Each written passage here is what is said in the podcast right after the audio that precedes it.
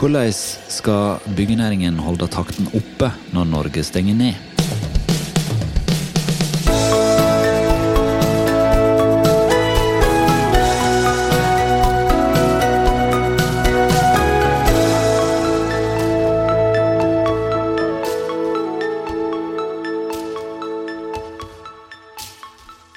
Hei og velkommen til en ny episode av Byggeindustrien bygg.no sin podkast Byggeplassen. Jeg heter Frode Aga, det er fredag 20. mars, og i dag så skal vi ringe opp vegdirektør Ingrid Dahl Hovland, konsernsjef i Bane Nor Gorm Frimannslund og statsbyggsjef Harald V. Nikolaisen for å høre hva de gjør nå som koronakrisa slår ut store deler av norsk næringsliv. Først så kan vi høre hva Ingrid Dahl Hovland i Statens vegvesen har å si om den krevende situasjonen vi står i. Da har vi fått med oss Ingrid Dahl Hovland, vegdirektør på tråden. Og Ingrid, det er hektiske dager nå som koronakrisa har slått inn. Hvordan håndterer de denne her situasjonen i Statens vegvesen? Situasjonen i oss nå den er sånn at vi har eh, tre anlegg som er berørt eh, av koronasmitte. og Da må vi gjøre nødvendige tiltak eh, på de anleggene som går da med litt eh, mindre mannskap enn normalt. Eh, Utover det så eh, er det god eh, trøkk i produksjon. Jeg syns smittevernet som er gjennomført eh, på kort varsel ute på prosjektet og fra entreprenørleddet, har vært gjennomført på en god måte. Gode tiltak. Nå er jo anlegg, anleggsarbeid tradisjonelt kanskje rigga litt annerledes enn på en byggeplass. Eh, det er ofte mann og maskin, og det er den samme personen som håndterer maskinen til enhver tid. Eh, så det er vel litt enklere kanskje på en anleggsplass enn på en byggeplass. Men det jobber veldig godt og opp mot mannskapsforlegninger, og det er tilrettelegger med kreativt på skiftordningssida i forhold til det å få tilstrekkelig areal, sånn at det kan ivareta smittevern på en god måte så er det jo å holde trykket oppe på eh, produksjon og det som skal ut i konkurranser, sånn at vi ikke taper noe i forhold til det. Og det arbeidet pågår for fullt i eh, Statens vegvesen. Og eh, konkurransene går som planlagt med bakgrunn i en kontrakt, eller én konkurranse som stopper opp og trukket tilbake, og som går ut igjen i løpet av en ukes tid. Ja, hadde dere behov der for å se litt på frister og risikofordeling og sånne ting, eller? Nei, det var direkte påvirka av smitte. Og det var et av de første prosjektene, så eh, det var nødvendig å, å, stoppe eh, for å, for å, få gjort da, eh, det tiltaket som en måtte på det prosjektet. Men det kommer til å holde hjula i gang, og torsdag 19. mars så gikk de ut med en melding om eh, at de ønsker å, å børste støvet av en del prosjekt som er gryteklare, for å holde aktiviteten oppe. Hvordan eh, vil markedet merke det som, som kom i går? Eh, ja, så Sånn som vi jobber nå, så er det jo opp mot uh, departementet i forhold til det å uh, se på muligheten for å trekke fram prosjekt eller komme opp med aktivitet som, eller som skaper aktivitet da, i bransjen uh, framover. her vil jo utfordringen være å få hender i arbeid og arbeidskraft tilbake på, på arbeid når vi har kontroll på smittesituasjonen, og, og nye situasjoner og hverdager kommer tilbake til oss. Eh, og da er det å få opp eh, aktivitetsoversikt, prosjektoversikt, eh, på tiltak, viktige tiltak for samfunnet som ellers ligger på prioriteringsliste, men som da ligger litt lenger ut i tid pga. bevilgningstakt f.eks. Men får det da ekstra penger nå? Liste og oversikt vi har jobba den siste uka for å få Eh, nødvendig viktige tiltak for samfunnet, som da kan settes i gang tidligere enn det som var opprinnelig planlagt ut fra bevilgning. Og det er meldt inn til departementet. Og det får ekstra penger nå da, til å sette i gang sånne tiltak, eller er dette noe som eh, tar av annen kake? Ja, Det som er situasjonen nå, er jo at vi har jobba fram de oversiktene over tiltak på drift og vedlikehold og på eh, Eh, innenfor eh, transport og samfunn og innenfor utbyggingsdivisjonen. Og så eh, eh, blir de tiltakene eh, fremma som, som, forslag, og så er det da opp til myndighet å eventuelt komme med bevilgning retta mot de tiltakene som er lista. Force majeure er noe som det er blitt snakka mer om eh, i bransjen nå enn eh, på lang, lang tid. Eh, hvor høy er den stabelen blitt på din pult nå i de, i de siste ukene? Ja, nå meldes jo ting inn, og det samles et sted. Og så er det jo da viktig at en eh, både som eh, for oss da, i Statens vegvesen at vi har en felles eh, gjennomgang og holdning til det i forhold til det kontraktsregimet vi har, og ansvars- og myndighetsfordelingen i kontraktene. Og så er det jo òg viktig at de store byggherrene koordinerer det på tvers av etatene. Ja, Hvordan samarbeid har det med de andre store byggherrene? Vi skal snakke med Bane NOR og Statsbygg senere i denne podkasten det er Normalt så er det godt eh, samarbeid på tvers eh, gjennom kontaktutvalg, men òg i eh, arbeidsgrupper i ulike sammenhenger. som det som går på kontraktsida og det som er fagutveksling på tvers, er et veldig godt samarbeid i, i hvert fall i anleggsbransjen, er mitt inntrykk. Hvordan eh, jobber de med risiko i eksisterende kontrakter her nå? Nå vil eh, kanskje en del eh, leverandører og entreprenører oppleve sykdomsforfall, omsorgspermisjon og sånne ting. Vil det lempe noe på kravene der? Ja, hvordan en helt konkret skal gjøre det, det, det, er jo ting vi diskuterer nå fortløpende. Det er ikke konkludert, og det vil kanskje arte seg litt forskjellig fra konkurransetype til konkurransetype. Men eh, det som eh, det er jo ikke noe poeng for oss som en byggherre å, å, eh, å velte en så stor eh, usikkerhet eller risiko over på eh, leverandør og, og entreprenørledd. fordi da, det fører jo til at vil, den vil bli prisa så høyt at det blir uhåndterlig i, eh, i, vurderingssammenheng. Så det å klare å, å regulere det på en fornuftig måte i, med en god ansvars- og myndighetsfordeling i konkurransesammenheng, eh, det er jo viktig at en gjør det. Eh, jeg lurer på, eh, Det har blitt snakka om eh, dugnad og at en må ha tillit på tvers i både byggherre og leverandørledd nå. Hvordan skal Statens vegvesen bidra til at den tilliten blir god? Ja, det, det, det, å ha gjensidig tillit er alltid viktig eh, i et eh, kontraktsforhold. Og så må det være basert på de forutsetningene som ligger i kontrakten, og at det er en balansert ansvars- og myndighetsfordeling. Så det å eh, jobbe godt med forebyggende tiltak i forhold til det å løse ting eh, godt der det skal løses, men selvsagt innenfor de rammene som til enhver tid er, er gjeldende. Og her eh, har en jo i det som vi normalt har av eh, anskaffelsesregelverk og eh, lover om offentlige anskaffelser, så er det godt rom for å håndtere eh, nødvendig tillit på, på, en god måte, god og ryddig måte. Og så må en gjøre det transparent og etterprøvbart eh, i forhold til det som til enhver tid gjelder for leveransen. Det har vært stor eh, diskusjon i bransjen før koronakrisa slo inn eh, om, om OPS-kontraktene på Sotrasambandet og på, eh, i Nord-Norge på Hålogalandsvegen. Hva skjer med kontrakter i 10-milliarders- og 9-milliardersklassen nå?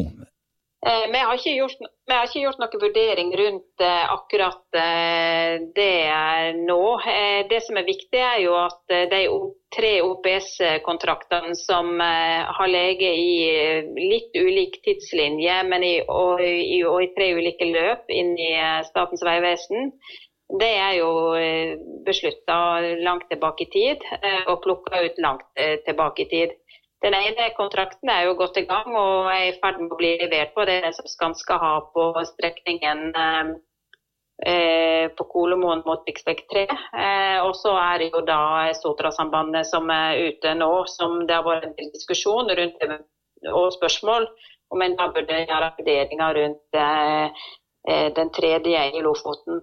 Men eh, det som er med en OPS-kontrakt, det er jo at det, der ligger jo finansieringen inne og, og drift over en gitt periode. Eh, med 20-årsperiode. Så det er en helt annen type kontrakt i forhold til det, og et helt annet instrument eh, enn det en ellers eh, har på, eh, på veibyggingssida. Så eh, når en diskuterer oppdeling av kontrakter, eh, så det, kan du på en måte ikke dele opp en OPS-kontrakt sånn som du kan i andre sammenhenger. Så, eh, men, så en, med det, men enn så lenge så går bakgrunnen så, så, ligger det fast, egentlig sånn som det ligger. Ja, enn så lenge så går Sotra-sambandet-konkurransen som, som planlagt. Ja. Eh, hvordan eh, jobber dere nå med å sikre Du var jo litt inne på det helt innledningsvis, men smittevern er kjempeviktig nå i disse tider. og Hvordan jobber det og entreprenørene sammen for å trygge arbeidstakerne nå eh, i, i disse tidene?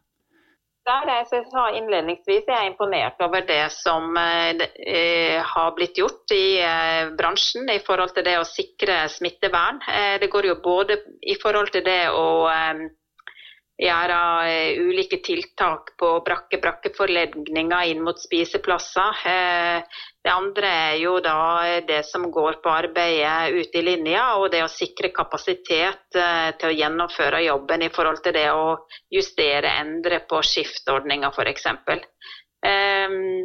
Så her har bransjen eh, jobba veldig godt, og en har tatt i bruk eh, kanskje mer digitale verktøy for, på kommunikasjonssida for å styre produksjonsstyring enn det en har hatt tidligere. Så alle kriser har jo òg en, eh, en noen muligheter der en har klart å ta ut rasjonaliseringseffekter som er veldig interessante å følge.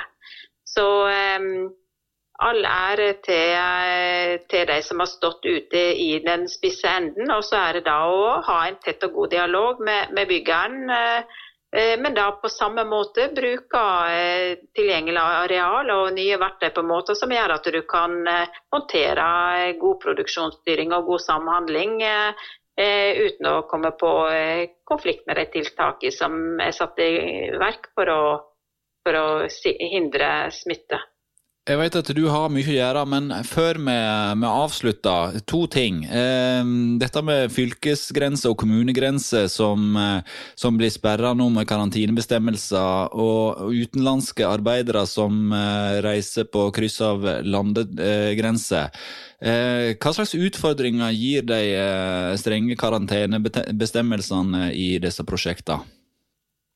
Ja, vi har hele veien nå i løpet av de siste, siste halvannen ukene har vi jobba med eh, det å få til tilstrekkelig ferdsel. Det går jo først og fremst på eh, drift- og vedlikeholdssida, eh, der vi har lange roder som har strekket seg over flere gjennom mange kommuner og beredskap på landsbasis. Men det, har vi klart å, det klarte vi å håndtere veldig raskt eh, i forhold til det med samfunnssikkerhet og skaffe oss tilstrekkelige hjemler.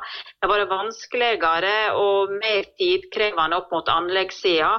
Eh, der med at eh, kommuneleger som har håndheva det her litt forskjellig. Men der har vi fått god støtte og hjelp og veiledning fra myndighetssida inn mot de kommunene der det har vært vanskelig å få til. For det er jo noe med å klare å få håndtere ting praktisk på en fornuftig, god måte, men samtidig da eh, klare å ha produksjon. Eh, og, og, vurdere tiltak og beredskap eh, strekkelig eh, på en god måte, sånn at en får til begge deler. Da sier jeg tusen takk, eh, Ingrid Dahl Hovland, for at du ble med oss her i Byggeplassen. Så skal vi høre litt mer om hva de andre byggherrene har å si om utviklingen nå eh, i denne vanskelige tiden vi alle står oppi. Og da har jeg fått med meg eh, konsernsjef i Bane Nor, Gorm Frimannslund, på telefonen. Hva er det det kan si nå om aktiviteten ute på deres eksisterende anlegg?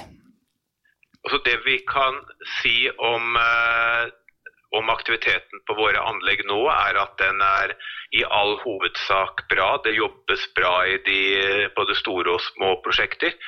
Så ser vi det at det er, det er noen forskjeller. Eh, hvis vi eh, skal nevne noe, så kan jeg i hvert fall nevne at vi ser at de stedene hvor det er veldig mange utenlandske arbeidere, der sliter man mer enn der hvor det er, eh, det er færre av de. Og Det er jo en helt naturlig konsekvens av de reiserestriksjonene som er, og at det er ulike land er eh, lammet ulikt av, eh, av korona. Og det... det, er, det, er, det store og hele bildet. Vi sliter litt med, med reisekonsekvenser eller reisebegrensninger internt i Norge med kryssing av kommunegrenser, hvor enkelte kommuner har krav om karantene ved kryssing av en kommunegrense. Ja, og når du sier utenlandske entreprenører, så er jo et av de største samferdsels, samferdselsprosjektene i Norge Follobanen. Og der har det jo italienske og eh, spanske entreprenører. Hvordan eh, virkninger får dette for Follobanen? Nå sa jeg vel ikke utenlandske entreprenører, jeg sa utenlandske arbeidere med vilje. Men, eh, men eh, Det henger vel kanskje litt i sammen? Så, eh, så, er det en I hovedsak så går arbeidet bra på, på Follobanen, og så er det og så er det noen deler av det og, som, som har et litt, en litt lavere fremdrift. og Det er spesielt det som, som ligger under AGJV, ligger litt lavere produksjon enn de andre delene som er på Ski og innføring Oslo S. For å ha vært helt eksplisitt på det. Ja, og Flere offentlige byggherrer både fra fylkeskommunalt og statlig hold varsler nå at de vil sette i gang eh, gryteklare prosjekt. Eh, på byggeindustrien i eh, går så kunne det varsle at de vurderer å sette i gang vedlikeholdsarbeid og fornyelsesarbeid. Hva kan du si om, om type prosjekt det kan sette i gang nå for å holde hjulene i gang? Altså det, det vi ser er at uh, der hvor vi der hvor vi ikke er avhengig av veldig langsiktig planlegging, det er innenfor type sikkerhet og miljø og forebyggende vedlikehold. Hvor du ikke trenger en reguleringsplan. Du trenger ikke å planlegge et, eh, et større, en større togfri periode eller gjøre den typen uh, tiltak som krever lang planlegging. Uh, og, det, og, det, begrenser litt, men er, vi ser på hva vi kan greie oss å få til. Vi ser jo helt klart at eh, vi kommer til, eh, sånn som det ser ut nå i hvert fall, å bruke noe mindre penger i, eh, i år. Rett og slett fordi at vi, at vi har noe lavere fremdrift på, på, prosjektene, så vil de heller ikke greie å bruke like mye penger det, det, er litt viktig å, å, ha med seg at Bane Nor vi jobber jo på jernbanen. Og på jernbanen så er det sånn at skal du gjøre en oppgave, så, så, er det veldig ofte at du må inn i et eksisterende anlegg. Og da må du ha godt planlagt uh, på forhånd med togfrie perioder. Og det er ikke noe som man kan gjøre på veldig kort, uh, kort sikt. Det, det bør være planlagt god tid i forveien. Det fikk eh, kritikk eh, da det eh, et par dager etter at koronakrisa slo inn for, eh, for, fullt, så fikk det kritikk fra Sveko sin sjef Grete Aspelund. Eh, fordi at det avlyste en stor rådgiverkontrakt og eh, en stor totalentreprise med bygging av Norges lengste jernbanebru. hva kan du si om årsaken til at det avlyste Kleverud-Åkersvika-kontraktene? Det, det, er jo et sammensatt bilde, men uh, må huske på at vi, vi, sitter i en situasjon hvor vi får veldig mange brev om uh, force majeure, entreprenører og også noen, noen, rådgivere, hvor de varsler om uh, Eh, da at eh, de påberoper seg force majeure i tilfelle man ikke greier å levere innenfor tidsfrister osv. Og så er det sånn at vi, eh, vi har jo veldig mange prosjekter i, i, drift. Vi har seks store milliardprosjekter i drift. Det har aldri vært så mange store jernbaneprosjekter i full produksjon som det er akkurat nå.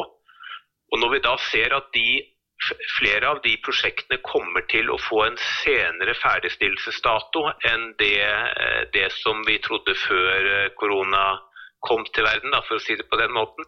Eh, så ser vi at vi kommer til å få et merforbruk av penger i 2021 og 2022 som en konsekvens av at vi kommer til å bruke mer tid og skyve ting litt mer ut i tid. Og Det er, det er jo nettopp det jeg innledet med, at det er eh, noen steder så er det en lavere produksjon enn enn det vi hadde hatt om ikke vi hadde hatt denne situasjonen. Og Det totalbildet som vi da har, det gjør at vi det å pådra oss da veldig store forpliktelser, som i all hovedsak da ville treffe 2021 og 2022 og fremover i tid, det, det ville være uforsvarlig. Vi, vi kan ikke regne med ubegrensede økonomiske midler i eh, årene fremover. Vi må forholde oss til at det vil være normale bevilgninger til jernbanen i mange år fremover. Men... Det er, dette er ikke noe som er isolert i 2020, dette er noe som også må ses i sammenheng over flere år. Så det er eh, det, var et komplekst bilde vi satt og, og, vurderte i dette. Men det er i all hovedsak veldig mange first majeure-beskjeder vi fikk fra entreprenører og, og, noen rådgivere. Men det blir sagt eh, fra bransjehold at, at, dette er konkurranser som allerede har blitt skjøvet på i tid, og, og at kommunikasjonen rundt det har ikke vært helt tydelig på hvorfor det har skjedd. Så eh, spørsmålet er da, ble koronaen eh, på en måte en unnskyldning for å skulle avlyse de konkurransene? Du kan si at La meg heller si det sånn at koronaviruset var det som ble dråpen som fikk begeret til å flyte over. Eh, for, å, for, å, illustrere det. Fordi at det er, eh, det, det er et sammensatt bilde totalt sett. Ja. Det er det. Ja. Det har varsla en større omorganisering internt. Eh, vil det eh, arbeidet nå pågå som normalt eh, som en følge av det som skjer rundt oss nå?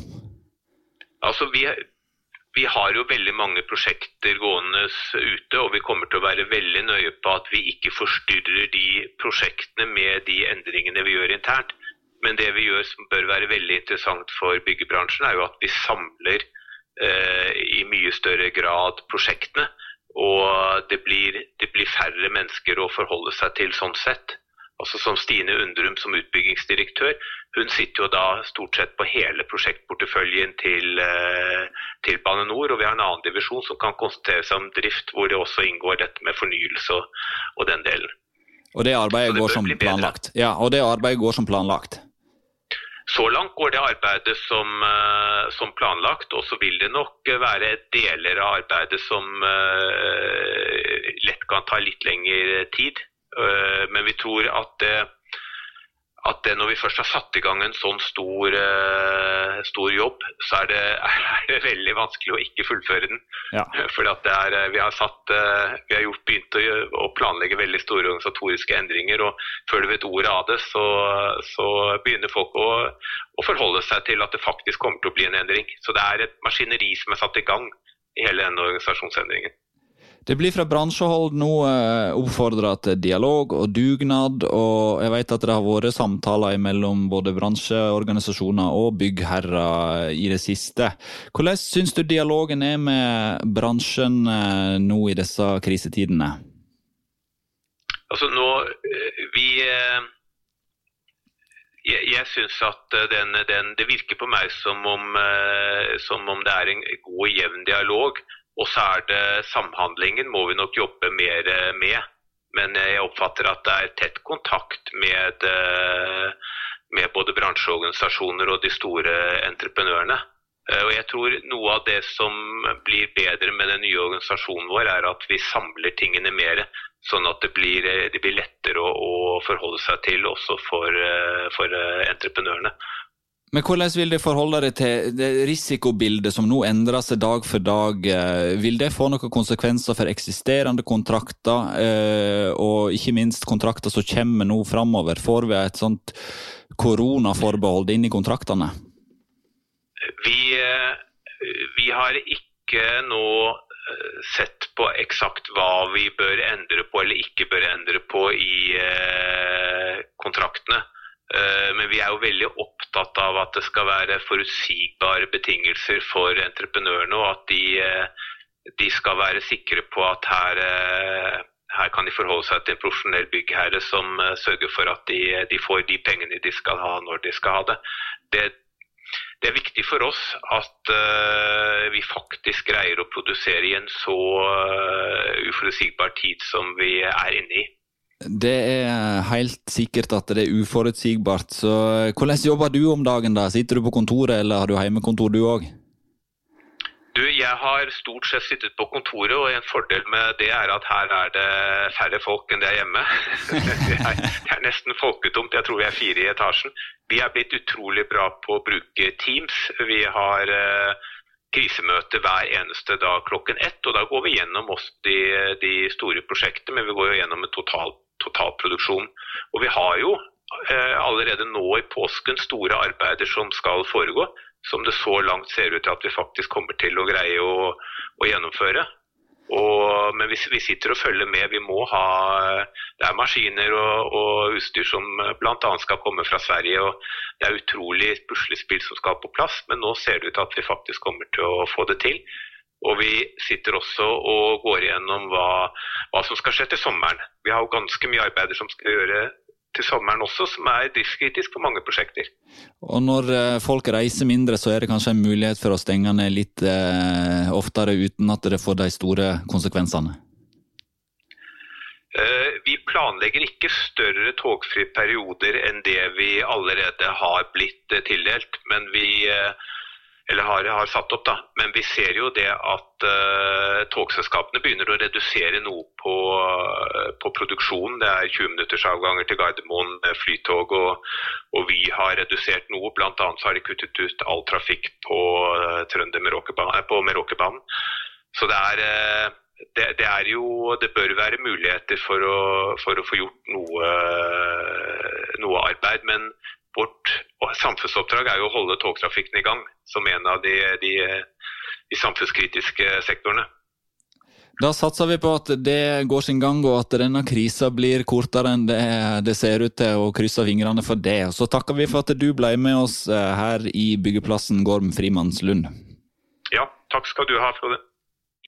Harald Nikolaisen, du har en eh, oppfordring til alle norske byggherrer om at dette her ikke er en tid for å bremse ned, men eh, å kanskje dra fram de mindre kompliserte prosjektene fra skuffene. Eh, hva tenker du de offentlige byggherrene skal gjøre nå?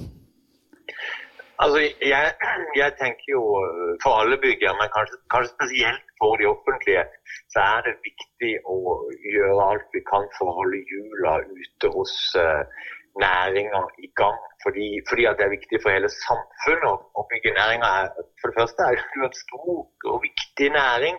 Bygg og anlegg, og samtidig så er vi jo spredd over hele landet det gir oss jo mye utfordringer, men det er jo også en mulighet for å hjelpe til med å holde hjulene i gang i hele samfunnet. Derfor er det ekstremt viktig at de offentlige byggherrene er det ansvaret bevisst, og bruker våre virkemidler til å holde produksjonen oppe så langt det er mulig. Og, og det jobber jo Vi jobber med det i Statsbygg for tida, men så jobber jo også næringer på tvers, alle byggherrene sammen med bransjeorganisasjonene for å forsøke å legge til rette for at vi får mest mulig effekt ut av dette her. Du sa nylig i en sak på bygg.no at full brems i bygg og anlegg nå ville være ødeleggende for bransjen, og spesielt på lang sikt. Hva er det du frykter mest? Ja, jeg tenker jo det at uh, vi vet jo ikke nå hvor lenge dette vil vare. Og vi kan risikere at det blir ganske langvarig. og Hvis vi får på en måte nedstengning og og stopp i aktivitetene med påfølgende konkurs og tap av virksomheter og kompetanse, og, og, for ikke å snakke om på en måte de, de, de sånn personlige og menneskelige effektene det har, så er det klart at det, det kommer til å få langvarige skadevirkninger på, både på anlegget, både på bransjen sin evne til å produsere, på produksjon og på kompetanse. Og vi har veldig mye viktige oppgaver som vi trenger å få gjort. Eh, og eh, sånn sett har vi jo i den litt paradoksale situasjonen at mange byggherrer har, har store anlegg og aktiviteter pågående. Ikke sant? Og likviditet til å få dette gjort. Akkurat nå opplever vi at det største utfordringen er jo rett og slett å sikre oss forutsigbarhet og ressurser på jobben.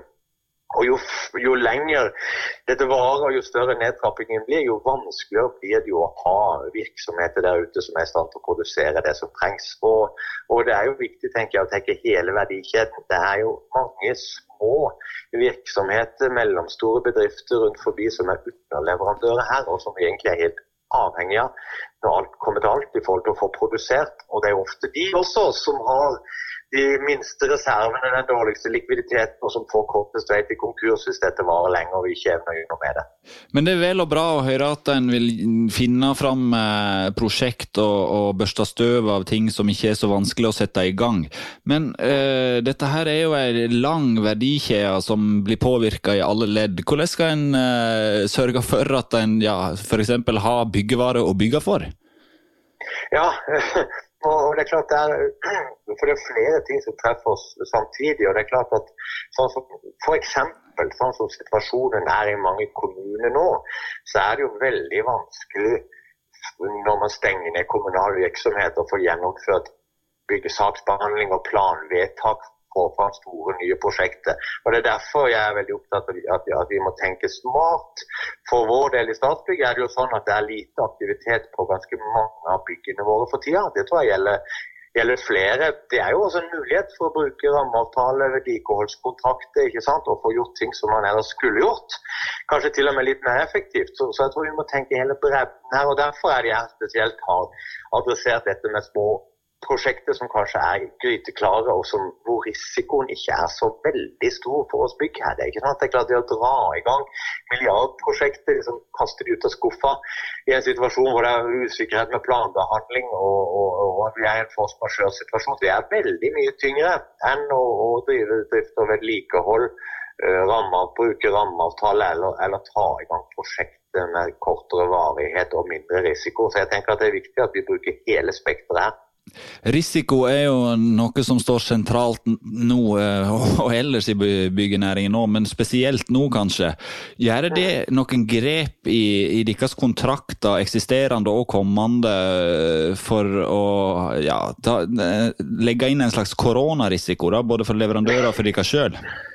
Ja, det er jo et, er jo et kjempeparadoks. Vi, vi merker jo det nå, at, um, at vi får en rekke varslene fra entreprenører knytta til force majeure-situasjonen, med krav om fristforlengelser og eventuelle plunder, heft og merkostnader. Så, eh, så, dette er et reelt problem både i pågående prosjekter, men også i nye prosjekter som skal ut. Hvordan skal vi på en måte klare å gjøre en god risikofordeling mellom, mellom utførende og byggherre når det er så utrolig mye usikkerhet i samfunnet rundt oss. Så dette, og det, dette jobber vi med intenst i Statsbygg for tida. Og samtidig så jobber vi med det på tvers i bransjen. For eh, jeg tror alle er enige om at her må vi forsøke å gjøre to ting. Eh, enes om, om noen prinsipper som, som kan være allmenngyldige hvis det er mulig, og også se hen til hva, hva eventuelt er det mulig i forhold til myndighetene og garantistillelse og en del type ting. Så jeg tenker vi må jobbe over over hele bredden. Det er det opplagte, det opplagte vi må se på for vår egen del i Statsbygg. Det er jo krav til eh, innestående eh, risikosetting, kanskje forlenge noen tilbudsfrister. Diskutere litt eh, med, med, de som er i en anbudsfase i nye kontrakter, hvordan vi skal forholde oss til force majeure og korona. ikke sant? Altså, her, her, må vi rett og slett gjøre noen tilpassinger. Men akkurat i dag så har vi ikke konkludert på hvilke tiltak vi skal gå for. Foreløpig så prøver vi å få dette til case by case for å holde hjula i gang. men men eh, i løpet av neste uke tenker vi at vi må prøve å få opp noe mer overordna prinsippet. Du har jo eh, da etterlyst eh, samarbeid og tillit, ikke minst. Og så jobber vi i en bransje der tillit og samarbeid kanskje har vært litt mangelvare i, i de siste åra. Vi har masse konflikter, og, og, det bildet kjenner jo du godt. Hvordan skal en nå klare å, å få den tilliten i en sånn vanskelig situasjon som det vi står oppi nå? Ja, det, det, er jo et godt spørsmål. Og så er det jo, så er det jo den evige diskusjonen om er glasset halvfullt og er glasset halvtomt. Det er, eh, det er nok litt forskjellige oppfatninger tenker jeg, om, om hvilken vei den utviklinga i næringa går. Jeg hører òg ganske positivt i løpet av de siste år og to på en måte om at vi er på vei over i en litt mer fornuftig, tillitsbasert dialog i bransjen, og har kontraktsformer som, som nå legger til rette for det i større grad enn før.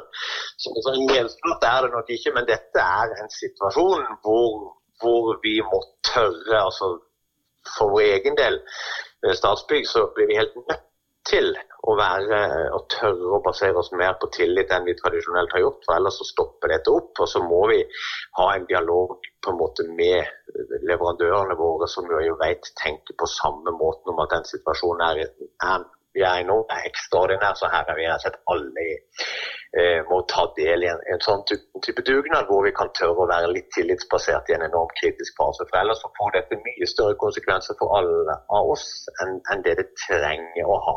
Sånn sett så er vi alle i samme båt her, og det kan kanskje være en fordel sånn som situasjonen er nå?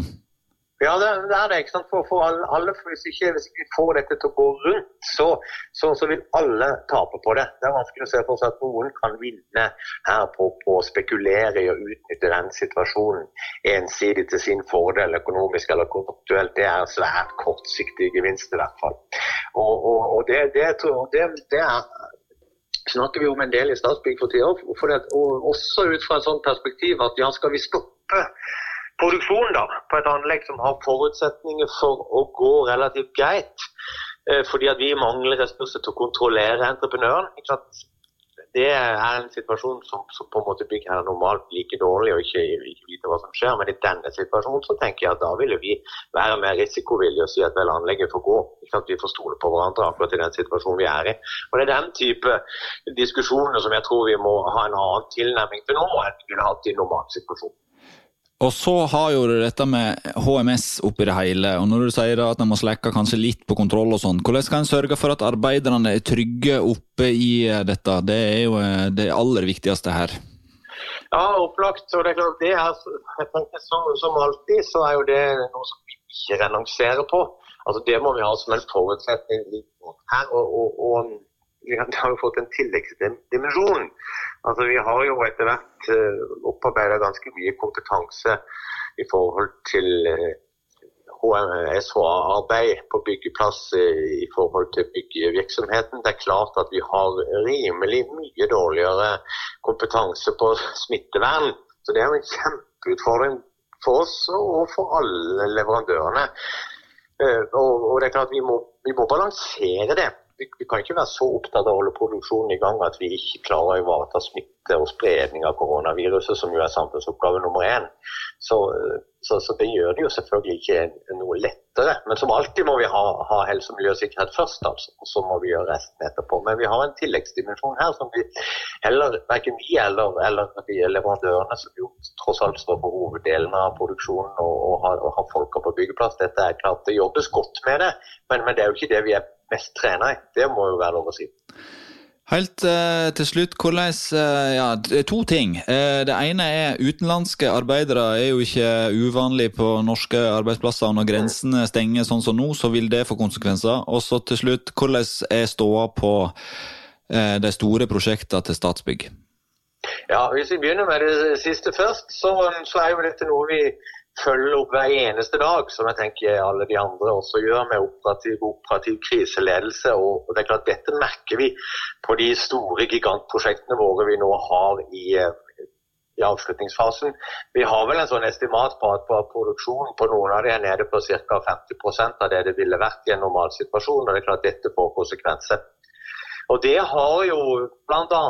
Eh, eller I hovedsak så er jo det utenlandske leveranse. Det er ikke nødvendigvis bare arbeidskraft, men det er også utenlandsk utstyr.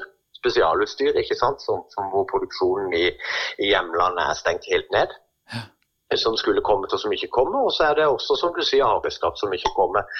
Og dette, men sånn avslutningsvis er ikke dette bare et problem eller en utfordring knyttet til utenlandske entreprenører. Vi har også store utfordringer knyttet til kommunegrenser og hvordan kommunene praktiserer karantene, og, og er egentlig uh, veldig bekymra for det, også internt i Norge. For kommunene har forskjellig praksis, og det er noe vi jobber opp mot myndighetene nå sammen med resten av bransjen for å forsøke å få mer uh, ensarta retningslinjer. Vi er rett og slett redd for at på en måte arbeidere ikke kom tilbake etter påskeferie pga. lokale forskjellige kommunale karantenebestemmelser. sånn sett gjør dette mye verre enn det hadde behøvd å være. Det er... Så det, både, det, er et problem både i forhold til utenlandsk arbeidskraft, men også i forhold til mobiliteten internt i Norge, som jo byggenæringa er helt avhengig av. Og, og, der ser vi utfordringer altså, som er krevende for, for uh, leverandørene våre. Det er noe vi får tilbakemeldinger stadig vekk på, med òg, så det der er en utfordring eh, som veldig mange kjenner på. Jeg tenker eh, vi setter strek der, eh, Harald Nikolaisen. Jeg takker for at du ble med oss her i Byggeplassen i dag. Tusen takk, og lykke til. Ja, det var altså sjefene i de tre store byggherrene i Norge, Statens vegvesen, Bane NOR og Statsbygg, som ga oss et lite innblikk i hvordan de jobber med å håndtere koronakrisa, og eh, hva de tenker om veien videre for bransjen i den krevende situasjonen en står i. Jeg heter Frode Aga og har vært programleder for dagens episode av Byggeplassen.